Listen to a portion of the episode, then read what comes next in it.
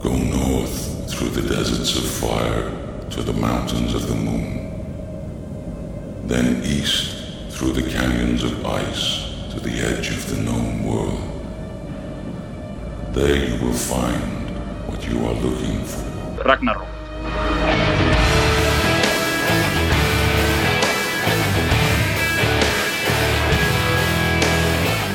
God kvöld og velkommen til Ragnarok og tvær tvimar vi Rotje og Tungmalme.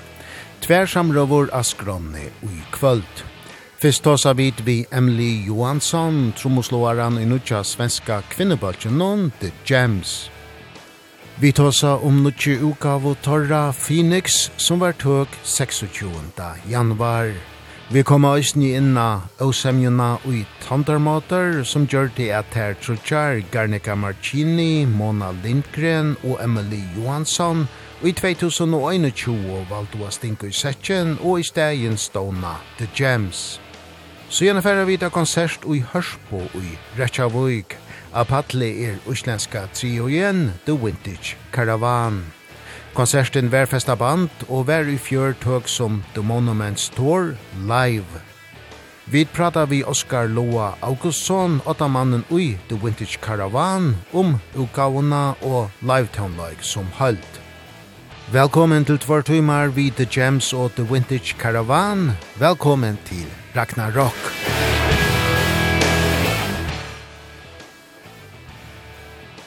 Lyssna på Ragnarok.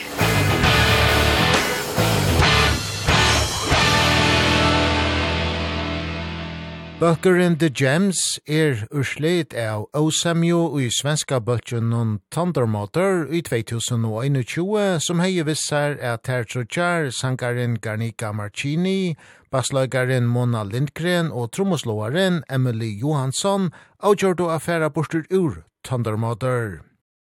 The Gems fóru rattliga kjøtt undra skriva nutjan tonløyk og 26. januar var debutugava Torra Phoenix Tøk.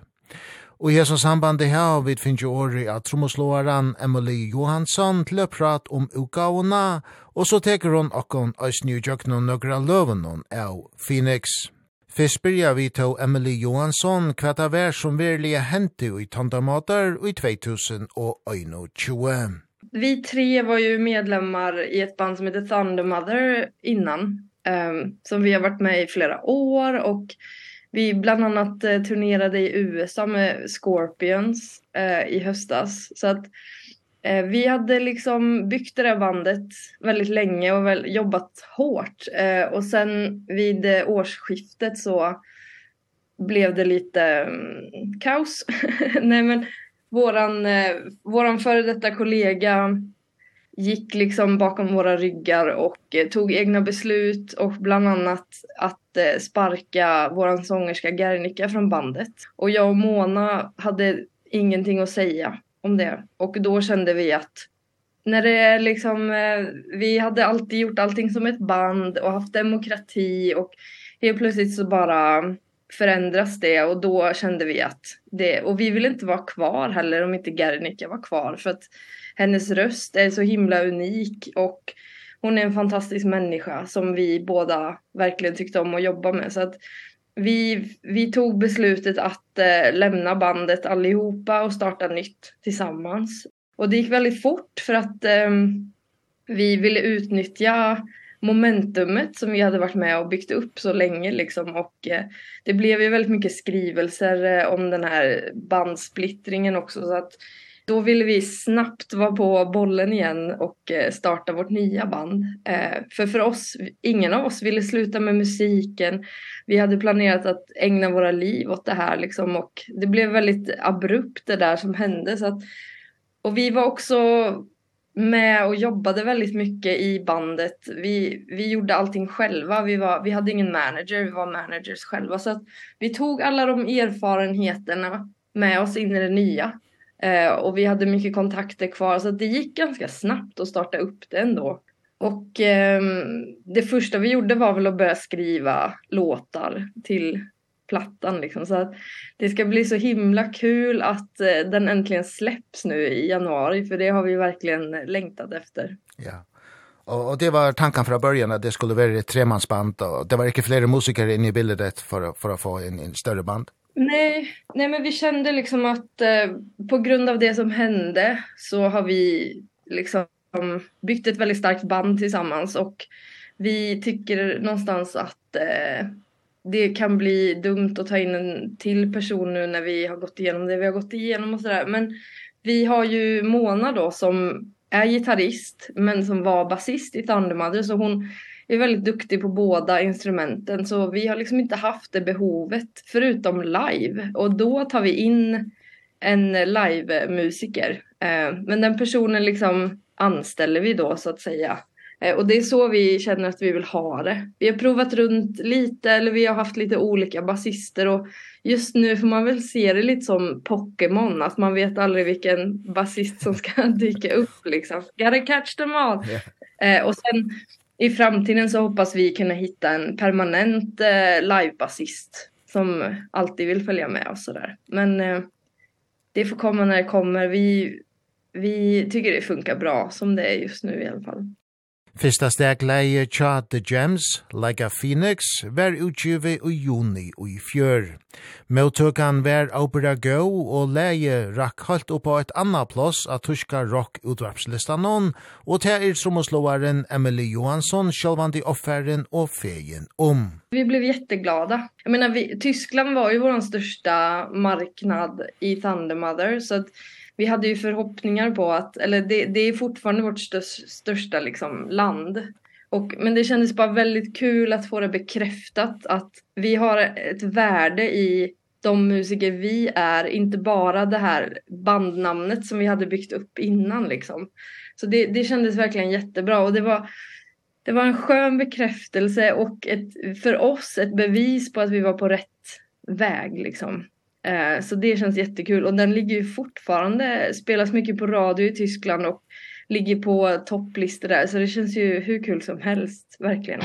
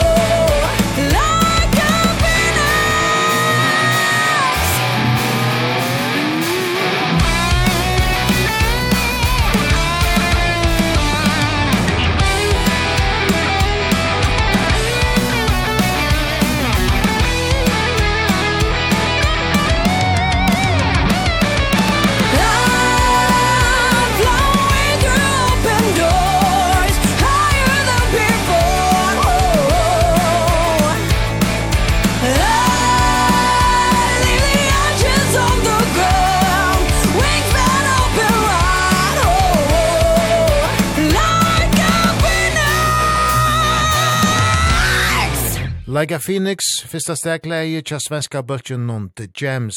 Debututgava torra, Phoenix var utgiven 26. januar.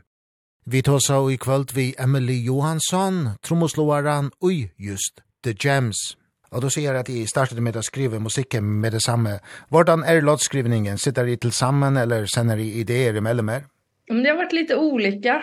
Mycket har vi skrivit tillsammans från början. Vi har åkt till en studio där vi också spelade in albumet. Vi har skrivit låtar ihop med våran producent. Han är en jätteduktig låtskrivare så har vi liksom suttit där och varit i den här kreativa studiomiljön tillsammans och skrivit. Men sen har det också varit låtar där som vi alla har tagit in i, i projektet liksom och så har vi alltid slutfört låtarna tillsammans för att ja men vi har alla olika styrkor i låtskrivning eh och vi känner att vi vill ha en touch av allas styrkor i varje låt för det är det som skapar oss på något vis liksom. Vissa låtar blev färdigskrivna i studion medan vi spelade in liksom vilket också är jag gillar den kreativa processen av att man är i stunden och kommer på någonting i stunden som blir förevigat ja. liksom direkt så.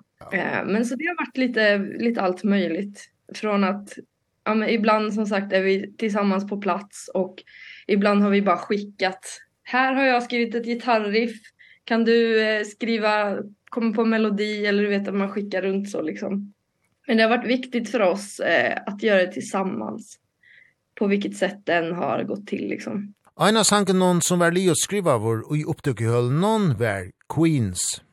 Det var en låt som vi skrev färdigt i studion. Vi hade riffet klart vi hade liksom groovet och viben klar och sen skrev vi färdigt text och melodi när vi var i studion och vi kände väl ganska snabbt att så här dels är den Queens inspirerad alltså av bandet Queen ganska starkt eh vilket vi tyckte kändes som en jättekul influens eh, att slänga in. Eh men också kände vi att eh, vi ville skriva en låt som hyllar starka Queens eh och inte bara kvinnor då utan vi tänker också på transpersoner, queerpersoner, alltså va, vem som än vill vara en queen får kalla sig queen och kan få ta till sig av den här låten. Vi vill inte bara liksom könsbestämmare.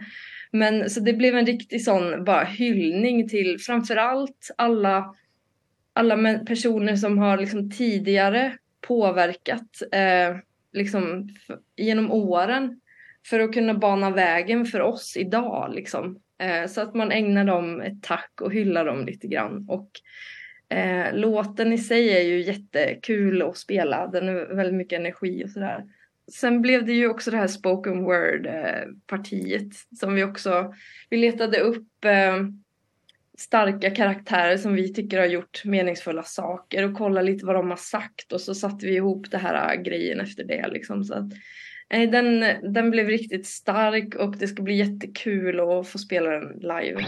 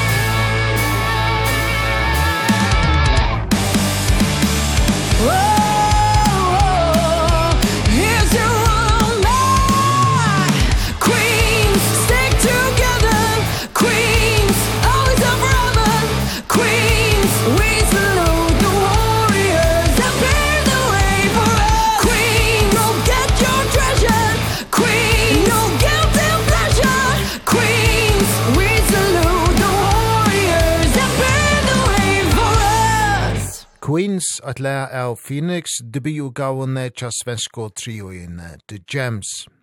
Tonlagalia er uiblåsteren til esa fyrste røntna tja The Gems kommen fra Tonlagalion Fyrimenton tja Limenon.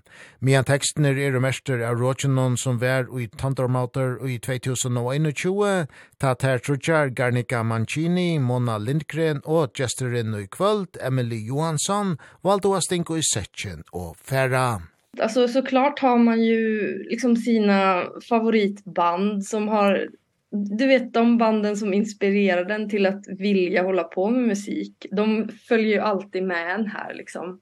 Eh men sen vi tar inspiration från allt möjligt. Eh det kan vara från pop, det kan vara från jazz, det kan vara från klassisk musik. Alltså vi är ganska liksom öppna för det. För det det blir alltid något nytt när man tar in en annan genre och gör det till rock liksom. Men det här året så har ju väldigt mycket inspiration kommit också ifrån sorgen och ilskan som vi har haft liksom. Eh och om man lyssnar på skivan så så finns det liksom en röd tråd genom man får följa med oss genom alla känslor vi har haft typ liksom. Men även de arga och de ledsna låtarna har vi ändå velat lägga in en liksom positiv touch i det att det man kan vara arg, man kan ha gått igenom jobbiga saker men man får inte glömma man får inte ge upp och man måste tro på sig själv liksom. Och det ser ut som att ni här är väldigt kreativa för för det är hela 16 låtar på på på albumet. Ja. det blev lite interludes också, vilket vi kände var kul för att Ja men vi vill ju vi vill ju spela klassisk rock men men modern liksom touch eh på det. Men vi kände att så här, det var länge sen man liksom det är inte så många band idag som har interludes i i skivan och vi tyckte det kändes som en kul grej så att vi slängde in tre tre stycken. Eh nej men så ja vi har verkligen fått så här vara kreativa och eh, ha kul med allting och ändå tycker jag vi har lyckats liksom få in det i samma liksom box på något vis. Det är tre interludes är det en uppdelning av albumet eller albumet är det delat upp i tre eller är det tillfälligt eller Det var kanske lite slumpmässigt. Vi vi hade idéer på interludes som liksom från början alltså stråk interludet som är innan Is Your Pain. Eh det visste vi skulle liksom hänga ihop med det. Men sen det första interludet Aurora som är inte som blev introt på skivan eh den skulle egentligen vara för sig själv men sen så kände vi att den passade väldigt bra ihop med Queens. Så att då blev det liksom man fick pussla. Och sen eh Renaissance som kommer innan Like Phoenix kändes också liksom klockren att den skulle hänga ihop med Phoenix liksom så här. Så det blev det blev väldigt bra. Och ja man kan säga att det ändå det väver liksom in oss i känn väver in en i känslan som vi vill att man ska ha när man lyssnar på nästa låt liksom så. Og en av sangen noen som hever et interlude et la mittlomspel er balladan Is Your Pain, som er skrivet over stått etter av limener og i The Gems var og ferne borter ur Tantormater. Det var Mona som kom med idén till låtskrivningen vi hade. Där hon tyckte, hon, hon hade sett eh, oss var ledsna i den här processen, alltså allt som har hänt. Vi har varit väldigt ledsna. Eh, framförallt Gernika som fick sparken från bandet och som på grund av det blev väldigt uthängd i media för att eh våra gamla kollega försökte ju verkligen få henne att framstå som en dålig människa vilket hon inte är så att det var väldigt mycket sorg i början och så där och då då kände Mona att hon ville ja men hon fick den här idén if I could ease your pain så att liksom hela den låten handlar egentligen om hur vi vill trösta varandra. Eh, hur en person vill trösta sin vän. Det kan vara en vän som har varit med om något jobbigt, gått igenom ett heartbreak, liksom vad som helst, men bara en sån ärlig liksom tröstelåt på något vis och eh, den blev ju väldigt bra. Vi tycker alla väldigt mycket om den. Den är väldigt stark liksom. Mm.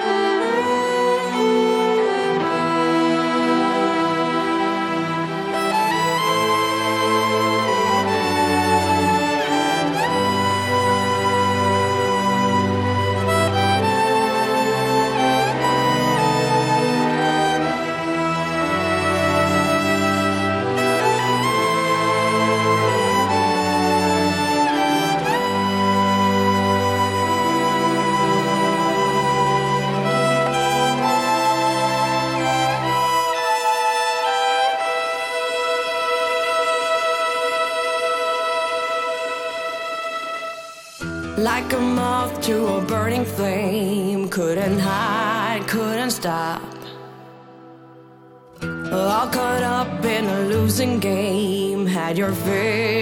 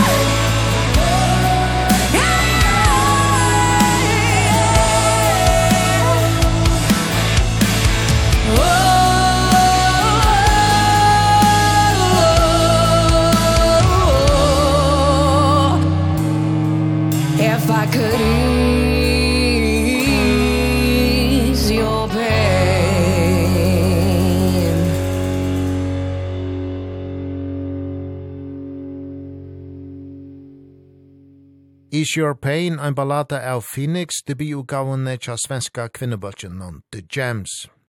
Det er Johan Randén som hever framløyt hessa fyrste røntena tja The Gems, og han hever gjørst eit vela arbeid helder trommoslåaren Emily Johansson. Ja, men han är fantastisk. Jag gick ju eh, gymnasiet med honom eh, och redan redan på gymnasiet var han ett musikaliskt geni. Eh, jag tror han var liksom Han var en sån där barnstjärna på gitarr. När han var nio år så fick han liksom spela på stora scener med kända band för att han var så himla duktig liksom. Och när vi gick gymnasiet så kunde inte han ta gitarrlektioner för att lärarna hade ingenting att lära honom. Han var liksom bättre än lärarna så att jag kommer ihåg att han fick då valde han istället för gitarrlektioner att ha musikproduktion som sitt huvudinstrument. Eh och det var kul, det är så kul att ha följt honom och se att han liksom har blivit producent nu, har sin egna studio och allt det där. Eh så jag kom, vi jag kontaktade honom för några år sedan och frågade om han ville skriva lite låtar tillsammans och det, det, gick, det var så himla kul att jobba med honom och så tog jag dit de andra tjejerna i bandet och alla liksom klickade väldigt bra. Så att det förutom att han är liksom en fantastisk musiker, han är liksom ett geni eh så är han också en jätteödmjuk, snäll, rolig person som liksom bara har känt som en i gänget. Och det han har tillfört på vårat album är ju att han han kommer ju från rocken men idag jobbar han mest med pop och det var lite det vi ville vi ville ha någon som kunde liksom förstå rocksoundet som vi vill ha men som också kunde liksom lägga till den här moderna liksom touchen på mixarna och produktionen och så där och det tycker jag verkligen att han har lyckats med eh att vi liksom har fått till den blandningen på ett bra sätt. En av första sangen någon som var skriva vår till Phoenix, värsta glädje Send Me To The Wolves, Emily Johansson är trommoslåare i The Jams. Den skrev vi ju redan i februari. Det var en av de första låtarna som kom som blev till i det här projektet och jag tycker jättemycket om att spela den. Eh jag har ju John Bonham som favorittrummis och att få gå loss med med de den typen av sväng som han har eh, njuter jag jättemycket av. Sen har ju den också lite hiphop-influenser kan man säga i verserna. Någonstans liksom, den känns som en sån, ett bra exempel på det soundet vi är ute efter. Att man blandar det gamla med det här moderna liksom. För den har ett väldigt modernt sound. Eh, och ja, när vi skrev den där i februari så var vi väldigt arga. Och jag tror man kan höra det i i texten liksom. Eh, men också handlar den ju om att så här, du kommer inte åt mig. Eh, jag tar mig loss från vargarna liksom. Du kan inte du kan inte röra mig för jag är stark liksom. Eh, så den är den är härlig. Break the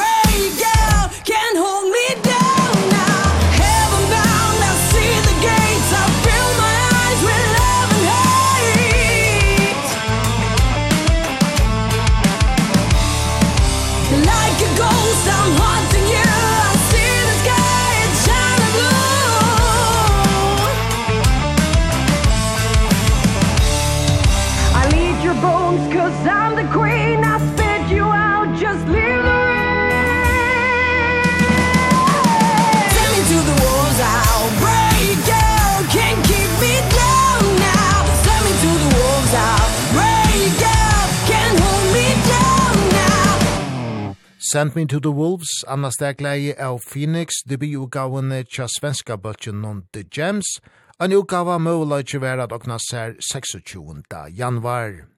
Ta vi spyrja tromoslovaren Emily Johansson om hun hever en interessant av utgavene er hun avgjørt og pojkar av Force of Nature. Force of Nature, åh, oh, den er faktisk min favorit. den är crazy. Den har också ganska mycket Queen inspiration faktiskt. Och även, ja den har faktiskt allt möjligt. Men eh, den Mona kom med idén och vi är, Gernika har varit med och skrivit texten och jag eh, har varit med och arrat en del och den är bara superfavorit för mig alltså. Den är jätterolig att spela. Den har liksom det här glada positiva viben. Jag hoppas ju att den kan bli så här intro till någon så här tecknad superhjälte grej liksom. Eh, texten är väl ganska så här flummig om man tänker den handlar väl om olika chakran och overall eller liksom det är ju en en stark bara glad positiv liksom kämparsång. Ingen kan röra oss. Men det som är roligt med Force of Nature också är ju att eh gitarrsolot är ju ett jazzsolo som Mona har skrivit. När hon skrev solot så tog hon inspiration ifrån Tal Farlow och massa såna här gamla jazzgitarrister. Så det det tycker jag är en jättekul influens som passar väldigt bra i den galna låten liksom. Mm.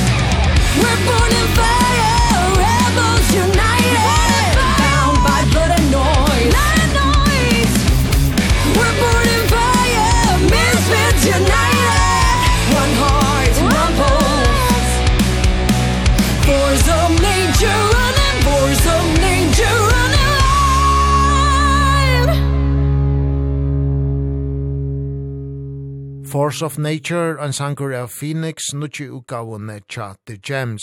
Hette er òsni indesankeren av utgavene tja gesten og i kvöld, Emily Johansson, trommoslåaren og just The Gems. Nu er Phoenix tøk og tær ui The Gems vevna kom ut a spela tonløyken fire fjepparnon omstutta tøy. Vi har ju liksom, eftersom vi är ett nytt band så har inte vi kunnat eh, boka så mycket turnéer innan vi har en skiva ute. Eh så vi har fått vara tålmodiga men snart så kan vi sätta igång på allvar med liksom turné boka turnéer och liksom ut ut och spela våran skiva liksom. Ja, så det blir mycket festivaler nästa sommar måske.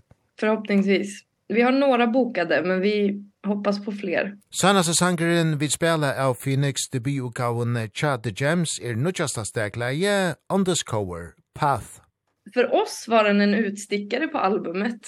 Den den är ju lite mer den låter kanske mest modern av alla våra låtar och den den var väldigt en sån experimentlåt för oss som blev väldigt bra och så när vi liksom när vi skulle välja singlar eh, till albumet så var inte den med på någon av våra listor. Men vi skickade runt skivan till vänner och liksom folk i branschen vi känner och bad om lite råd liksom. Och då var det väldigt många som hade den som en favorit. Och då tänkte vi, den kanske inte är så dum ändå. Vi, vi testar liksom och släpper den som en singel. Så att den släpptes ju nyligen så att det ska bli spännande att se hur hur det går. Men jag tycker det är jättekul för i den har vi också lite ABBA influenser i de här körerna i början och eh, ja men den är väldigt eh, speciell liksom och att texten är ju väldigt symbolisk för oss liksom att vi har känt oss väldigt vilsna och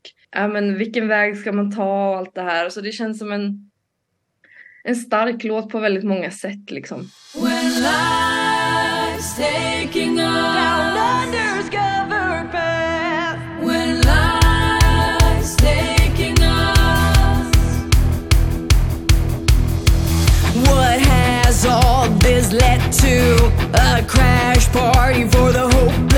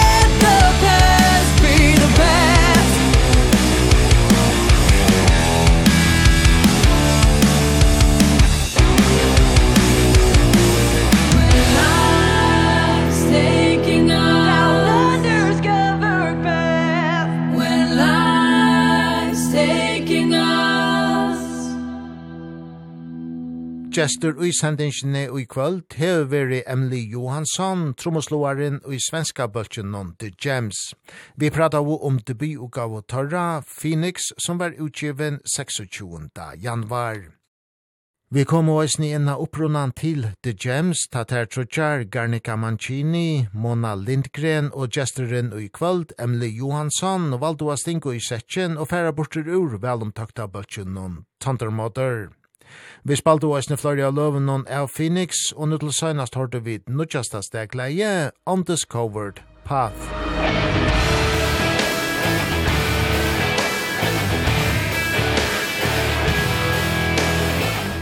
Hi, this is Oscar Loya from the Vintage Caravan, and you're listening to Ragnarok.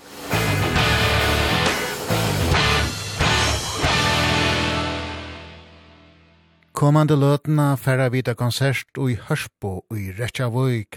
A patle er uslenskjø retro-rockbalkeren The Vintage Caravan, som endar fyrsta part av The Monument-konsert for Søyne.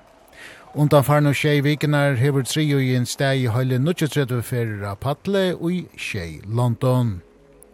Konserten i Hørsbo 25. november i fjør var festa band, og og var 13. oktober utgiven som The Monuments Tour Live. Og i hessens samband har her vi finner åri av Oscar Loa Augustsson, åttamannen i The Vintage Caravan, til å prate om utgavene og live-tonelike som holdt. Musikk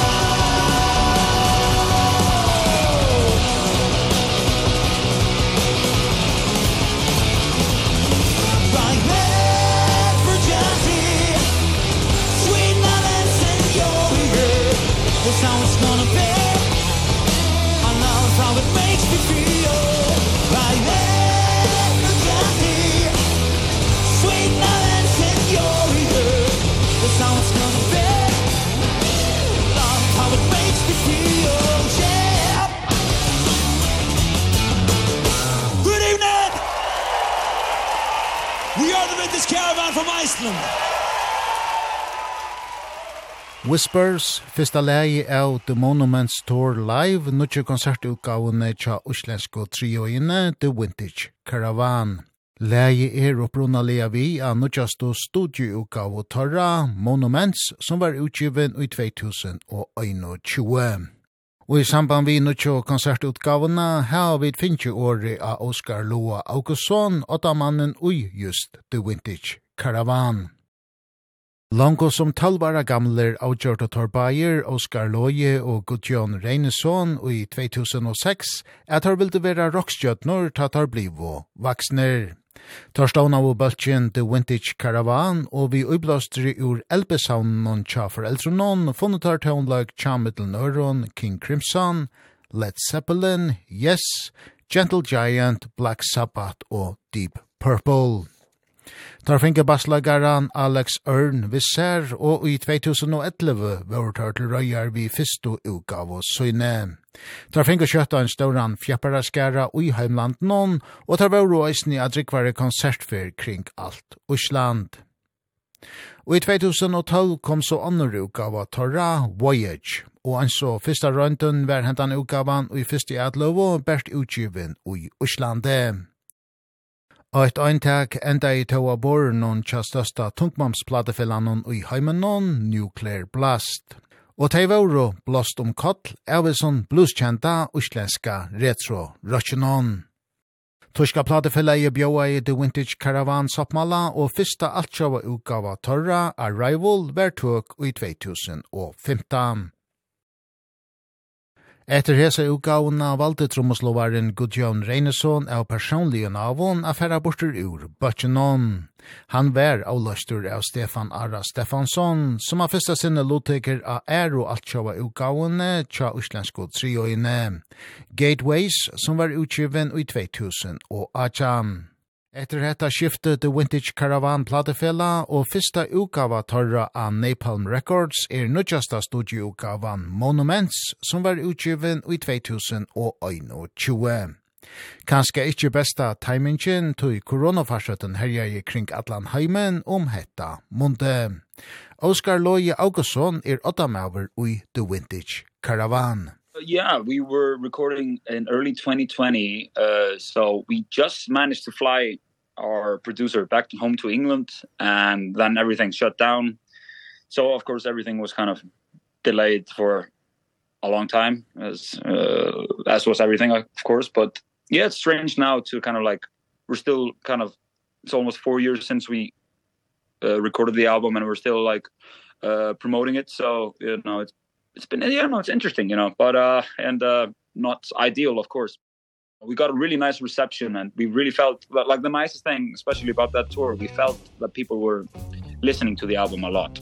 Every like even if we were were playing songs that you know were not the singles uh, uh so to speak they were everybody knew every lyrics and uh you know it was you know it's also kind of strange that album kind of has a feel to it that it was written in the pandemic you know it has like kind of like you know it has the, like the lyrical themes are you know talk about that kind of stuff. So um which was kind of fitting. So i guess it was like a theme album for people being locked inside a little bit. So yeah, yeah. So it was uh, it was interesting.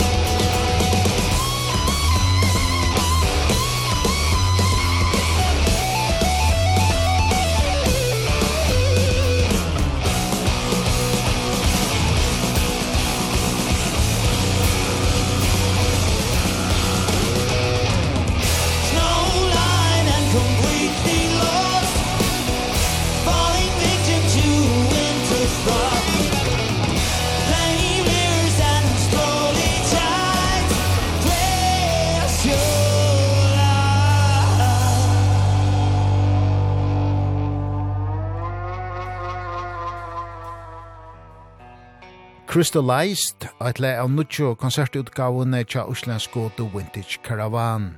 The Monuments Tour live ver utgiven 13. oktober.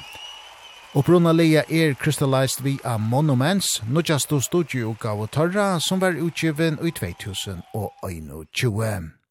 Etter fem studieutgaver hildu Oskar Loja Augustsson og hinner ui The Vintage Caravan er stunden var kommet at utgjøva eina liveutgave first of all we love live albums and uh like I always especially from like the bands in the 60s and 70s it was um it was always a, like completely different animal than the uh, live stuff. Best best example would maybe be cream you know if you listen to like white room and then you hear it live and it's just like another song really you know and every performance is so different when you like listen to bootlegs and that kind of stuff. So like basically I'm a 60s 70s nerd and uh I'm you know, and I think this also re represents that other side of us because we've always been a live band. We stand with the studio albums for sure, but it's always an element that was missing in it somehow. We still don't know exactly what it is, but you know, you can hear it on the album. It's just and you compare it to the studio stuff, it's very very different, you know. So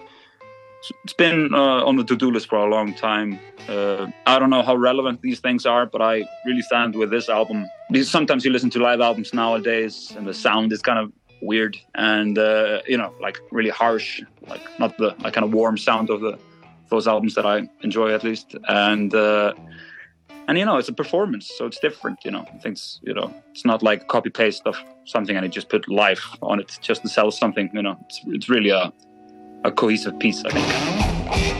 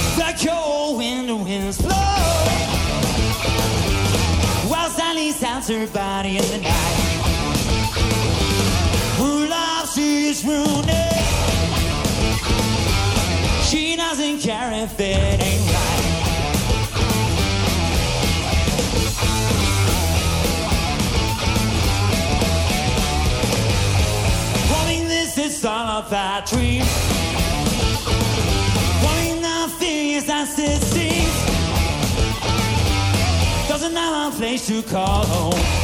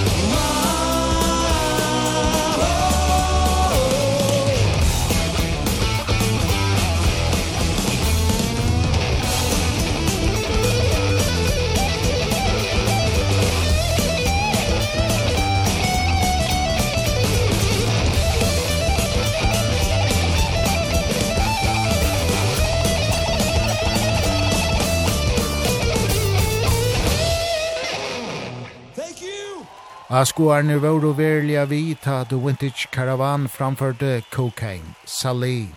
Lei er upprunnalega via er i gav og torra Voyager som var utgiven i 2014. Hendan live-innspillingen er via nutjo konsertutgav og torra Monuments Tour Live som var utgiven 13. oktober. Opptøkene til utgavene er gjørdar i samband vi Monuments konsertferierna Chato Vintage Caravan. Og i tjei vikur heie tri og en heile 33 konserter og i tjei London. Den seneste var 25. november i fjør og i Hørsbo og i Rechavøyk. Og ta vær fra hese seneste konsertene, fleste opptøkene til The Monument Tour Live var gjørdar. Oskar Loje Augustsson er åttamøver i The Vintage Caravan yeah originally uh it was like we recorded 17 shows i think um and i listened to at least 13 or the last one that i listened to was the uh or got the recordings of was the um icelandic show we did what was it? Yeah last year in harpa. So at our like big concert house. And when i heard that i was like oh god darn it. I should have we should have listened to uh, i should have listened to this first because it was basically there, you know, and I would say 90% of, of the album is from that show. And the only reason why the first track wasn't used from Harpa as well was uh, that we our producer forgot to press uh, press uh, record. So we used the first uh, first song from Amsterdam and the last two songs from a show in uh, Zurich. So it's kind of a little bit of a mismatch but mainly from uh, the Icelandic show which is nice. And uh, is this a pure uh, concert recording, or do you have some uh, additional recordings in the studio? No additional uh, recordings. There were um, tiny, like, like uh, we fixed a few little things, uh, like the bass tuning, like was a little bit off in one song, and we just nudged those notes a little bit up. We did think help my voice in a few parts, but like minimal stuff. There was no like, okay, we have to do this again or something. I think we borrowed one note from a solo in a song called In Reverse. I think we borrowed it from Amsterdam because I hit the wrong note. Uh, I know back in the day, you know, either you just have to record it again or whatever, but with the technology that we have today, why not use it, you know? So, but it's as I say, pretty minimal. Yeah. It's not like Kiss Alive where where like it's just the drums. just the drums are live on that. Yeah. I I one of my good friends is a a Kiss fanatic and he's like, "That's the best live album." And I was like, "It's not a live album." And he hates when I say that. ja.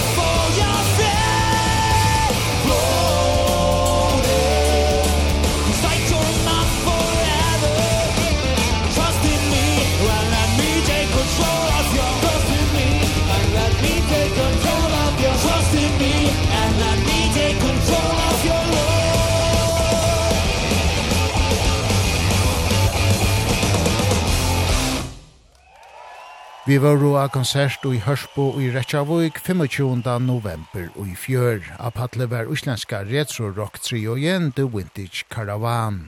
Og tar framført Reflections, at lea som opprunalia er vi av Nasnudjasto studio og gav torra Gateways, som var utgiven i 2000 og Achan. Hendan live-opptøkan er vi av nudja konsertutgavene Tja The Vintage Caravan, The Monuments Tour Live, som var utgiven 13. oktober. Gjester i Ragnarok i kvöld er Oskar Loje Augustsson, sankari og gitarløykarin og just The Vintage Caravan. Is there a, a, a song that you um, is your favorite when you play live? I think uh, the song In Reverse, uh, which is uh, like a personal song I wrote about my brother, uh, and uh, like who passed away. Uh, he was alive when I, when I wrote, wrote those lyrics, but he was sick. But uh, every time when we play it, uh, like the mood shifts, and I feel like when especially when we play for like when we're warming up for a, for somebody like we we've been touring a lot with Opeth and stuff and we, we you know we do some big like rock songs to begin with and then we do this song and I feel like after like and during that song everybody's like okay we can get on board with this. It's always kind of the the song that kind of if you're on on the fence what you think about us then that song kind of like turns the whole room around and uh it's a it's a powerful song.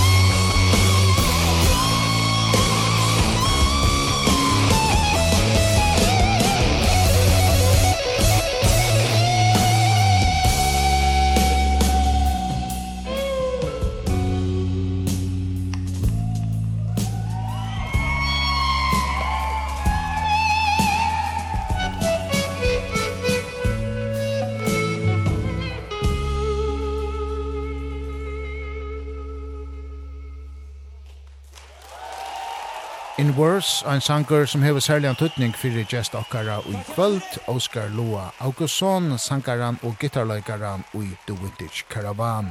Sangeren er opplona via utgavene Arrival, som uslenska trioen gav ut i 2015. Hendan konsertupptøkan fra Hørsbo i Rechavik er via nutjo konsertutgaven Chato Vintage Caravan, The Monuments Tour Live, som var utgiven 13. oktober. Oppdøkene til nødvendig konsertutgavene er gjørdar i samband vi Monuments konsertferierna Chato Vintage Caravan. Tog er jo hele seks sanger av disse 50 utgavene vi av settlista noen. Hine sangene er jo av hinon fyra utgavene torra, og ta være en trobel oppgave at velja sangene som skulle være vi av settlista noen, grøyer Oskar Loje Augustsson fra. Yeah, uh, getting making set lists is getting more and more tough, especially with just releasing more albums and it's not going to get not going to get any easier uh you know because like and we you know we try to do do the like main singles from each album but also have to, you know, like if you just play the you know like the singles it can get for like people that come to a lot of shows it can get boring i guess but you kind of have a, have to have a good balance with it. Play some uh, deeper cuts and that kind of stuff. And for example this is this is similar to the set list that we used to do on the on the on the tour but uh we did one song from our first album which was uh, recorded when we were like 14 15 years old because we were playing in in Iceland and that album did okay there. So we uh did one song that uh, is from that album. Uh so that was kind of like a audit an oddity. It was like only that performance. So yeah it's fun to also just have at least one song at least from each album and you know.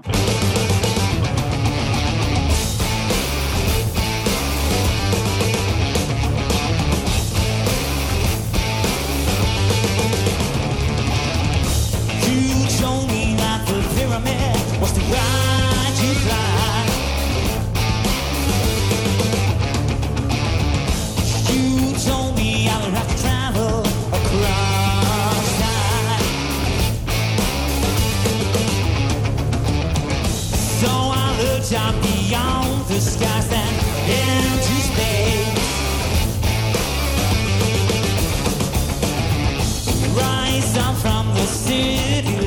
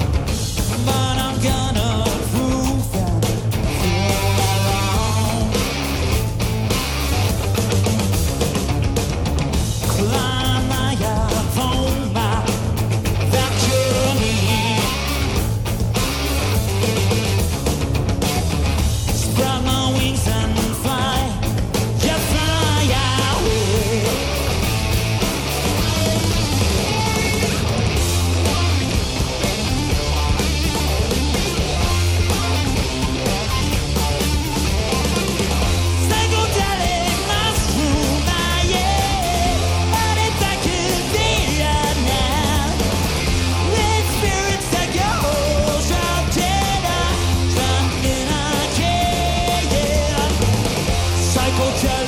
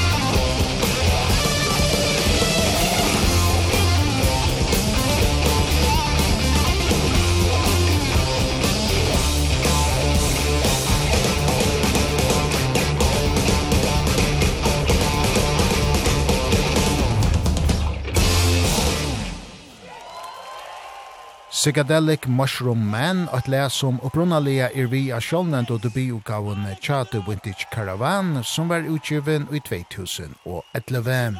Hese fer framførdur av konsert og i Hørsbo og i Rechavik og i Fjør. Hendan oppdøkan er vi av The Monuments Tour Live, konsertutgavene som The Vintage Caravan, ladur håndom 13. oktober. Ta vore ta ankrer ankelter sanger fra The Monuments konsertferiene som ikkje kommer vi annutjo konsertutgavna. Årsøkjen vær av limener ui The Vintage Caravan ikkje var halt nøktor vi framførselna. Oskar Loje Augustsson er sangare og gitarløygare ui The Vintage Caravan. Some did get scrapped, so it's like uh, we did few times we did a song called This One's For You. We had a recording of it and we had it mixed and everything but like listening through it that we thought that you know I don't know I thought I thought it was good but uh, it could have been a little bit better so we just had to do you know, like skim the fat a little bit if I if I could say so. And there was like one slot in the on the set on the tour that we used to have like a it was like a revolving slot. We would do like uh one one of the deeper cuts more like proggier songs you know, in that one. Like okay what are we feeling tonight? Want to do this one or this one or this one? So So, but this was kind of like this is pretty close to what we were doing and um with um in that slot we now have a song called uh, Forgotten and that is a song that works really really well live and I thought it was the best kind of uh, best thing for the setlist so we decided to have that version of it uh, in there. So yeah, it's yeah, but not much to God. All we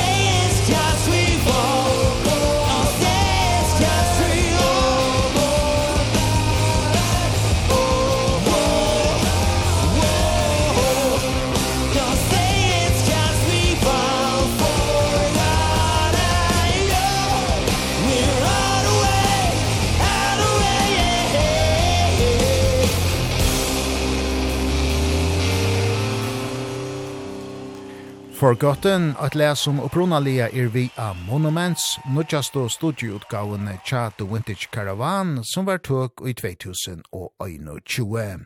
Hese for live av nødjast og konsertutgave torra The Monuments Tour Live, som var utgiven 13. oktober. Tøyrui, The Vintage Caravan er og garvair tónlagarar, og tar heva vire vi av staurum festivalen som Hellfest og Vakken. Tøy spyrja vid Oskar Loa Augustsson, hvor størsta løta hansara av Patle hevur vire. It's a good question. It's a good question. Hellfest 2017 was just regarding like like reception. The reception was just insane. It was like 15,000 people and it was like the best crowd I've ever played for. I just had to like lift a finger and everything went crazy. It was like, you know, they were just there to have a good time and I think that was one we also did I feel like I'm always talking about Harpa, but we did uh, a, a show last year where we played um it was like a 50th anniversary of one of my favorite Icelandic albums called Leven by Trubrot. And so yeah, we played uh, that album in its entirety with uh, like original members from the band. That was insane. Uh, it was like so much fun. It was like a like a dream come true. So I think I would have to mention that as well as being one of my all-time live highlights. It's like strange like listening to stuff I've been listening to them since I was like 10 or something and then like you look on the side of the stage and like there's a guy who sang that and is singing it right now. It's crazy. Yeah. So yeah, that was a big moment for me and uh, us for sure. The Vintage Caravan hefur ferðast kring allan heimin við tónleikje, Søynon og Oskar Loje Augustsson heldur at det er ståre moner av ahyrarnon at nu i Europa og Sur Amerika.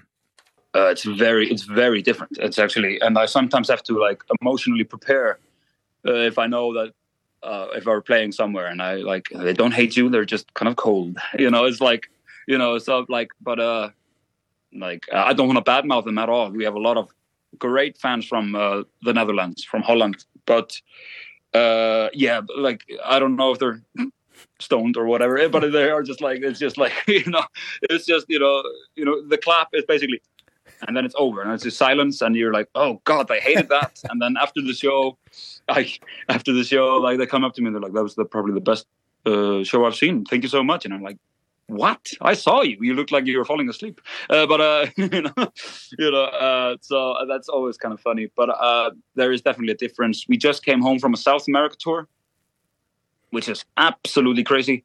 There people just they sing along with the riffs which is a thing that is like really really interesting. I i don't know if it comes from like their lack of uh, like um i don't know if they like they're not great at english and don't know all the lyrics or whatever or if it's just like i think it's like more football driven actually because like they always go to the football games and they're like bah, bah, da, da, bah. and so they sing with all the riffs and sometimes it's like scary loud and we just have to kind of put like put the amps up. So uh, uh that's one of my favorite places in the world to play. I mean it's just yeah it's also it's like going to another dimension or something. Because they are like they stay at the wait for us at the hotels and like so like at the airports and stuff like that. You don't get anywhere else at least not us you know. We're just some dudes from Iceland so you know it's kind of funny kind of funny to experience that. But uh normally the rule of thumb is if it's really warm in the country the people are going to go crazy. Like Spain Portugal and and uh, South America. Crazy times.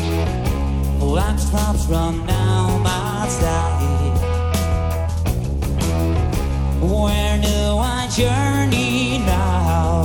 Oh, caged inside my way The release, it goes upside. Why flew too close to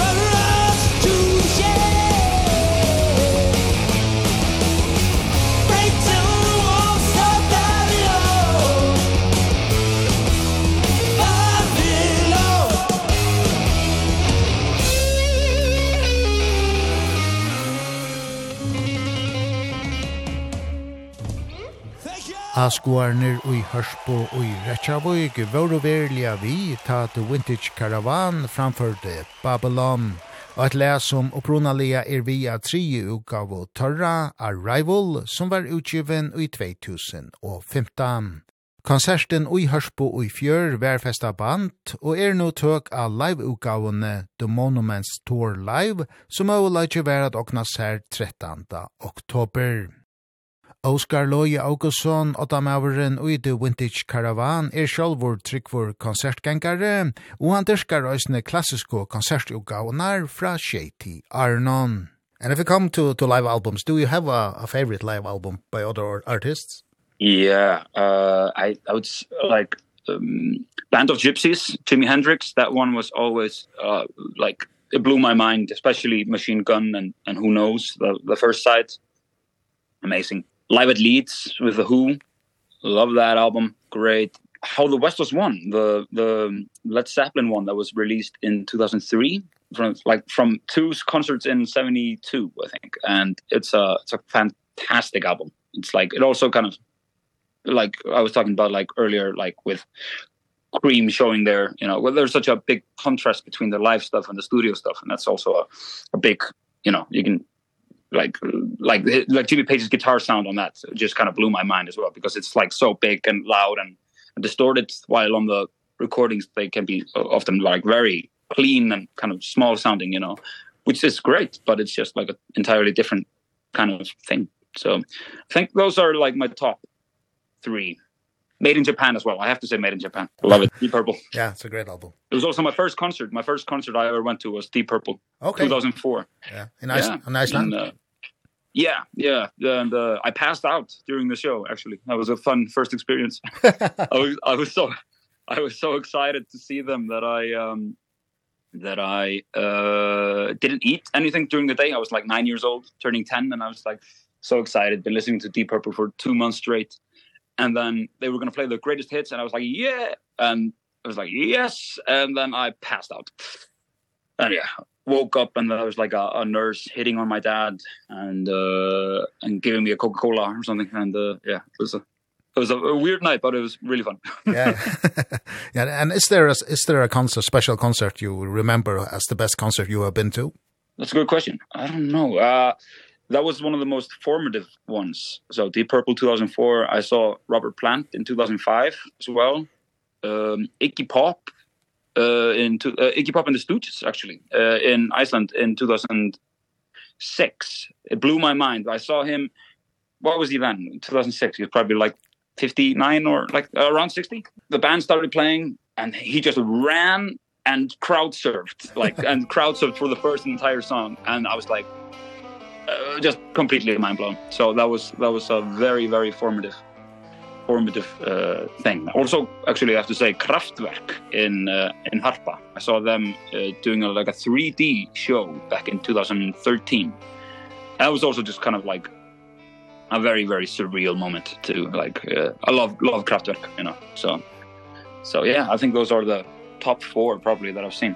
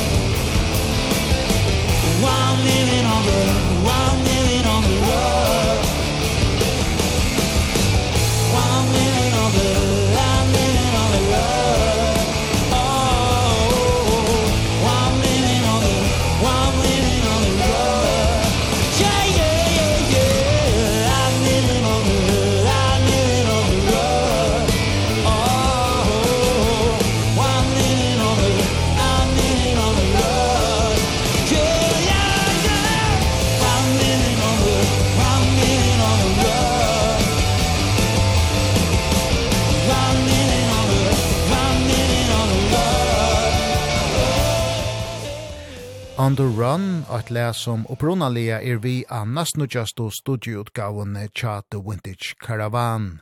Gateways, som var utgiven i 2000 og Achan. Hese fer fra konsert i Hørsbo i Rechavøyk.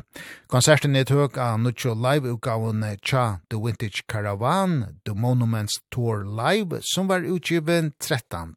oktober.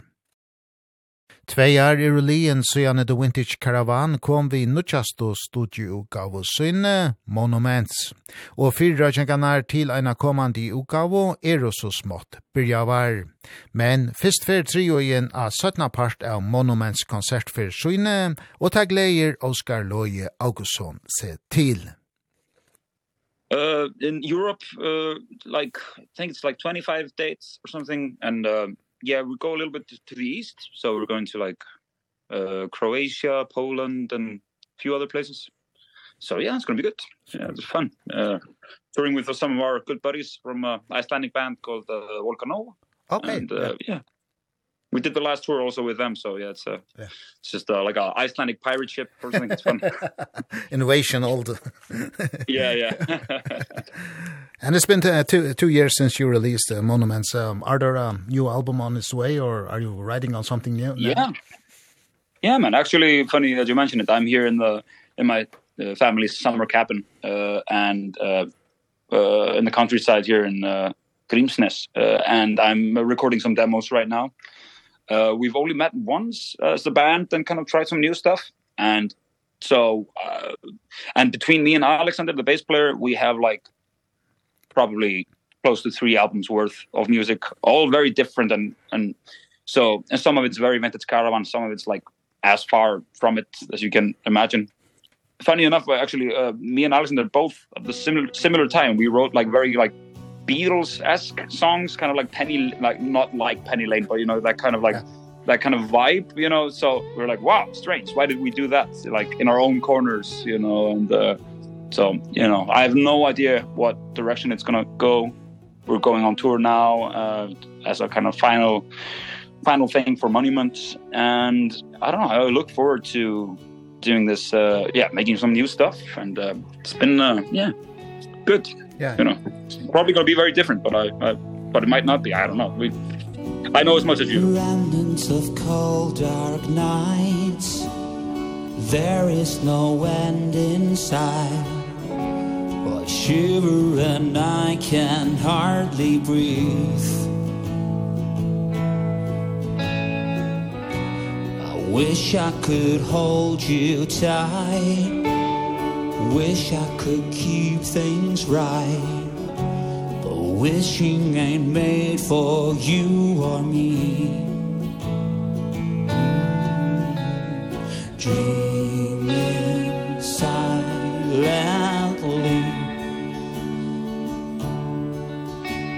One step towards me. You will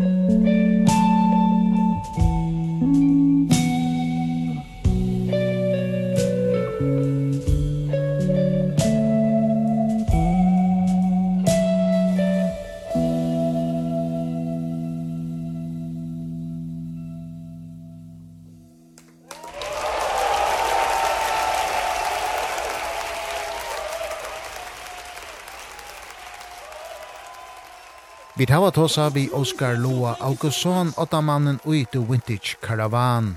Vi pratar vo om nutsjo konsertutgave Torra, The Monuments Tour Live og om konsertutgaver som hølt. Konserten ui Hørsbo i fjør enda i vi Clarity, et les som opprunna lea er vi av nuttjastu studieutgavene tja uslensko triojene. Monuments som var utgiven ui 2021.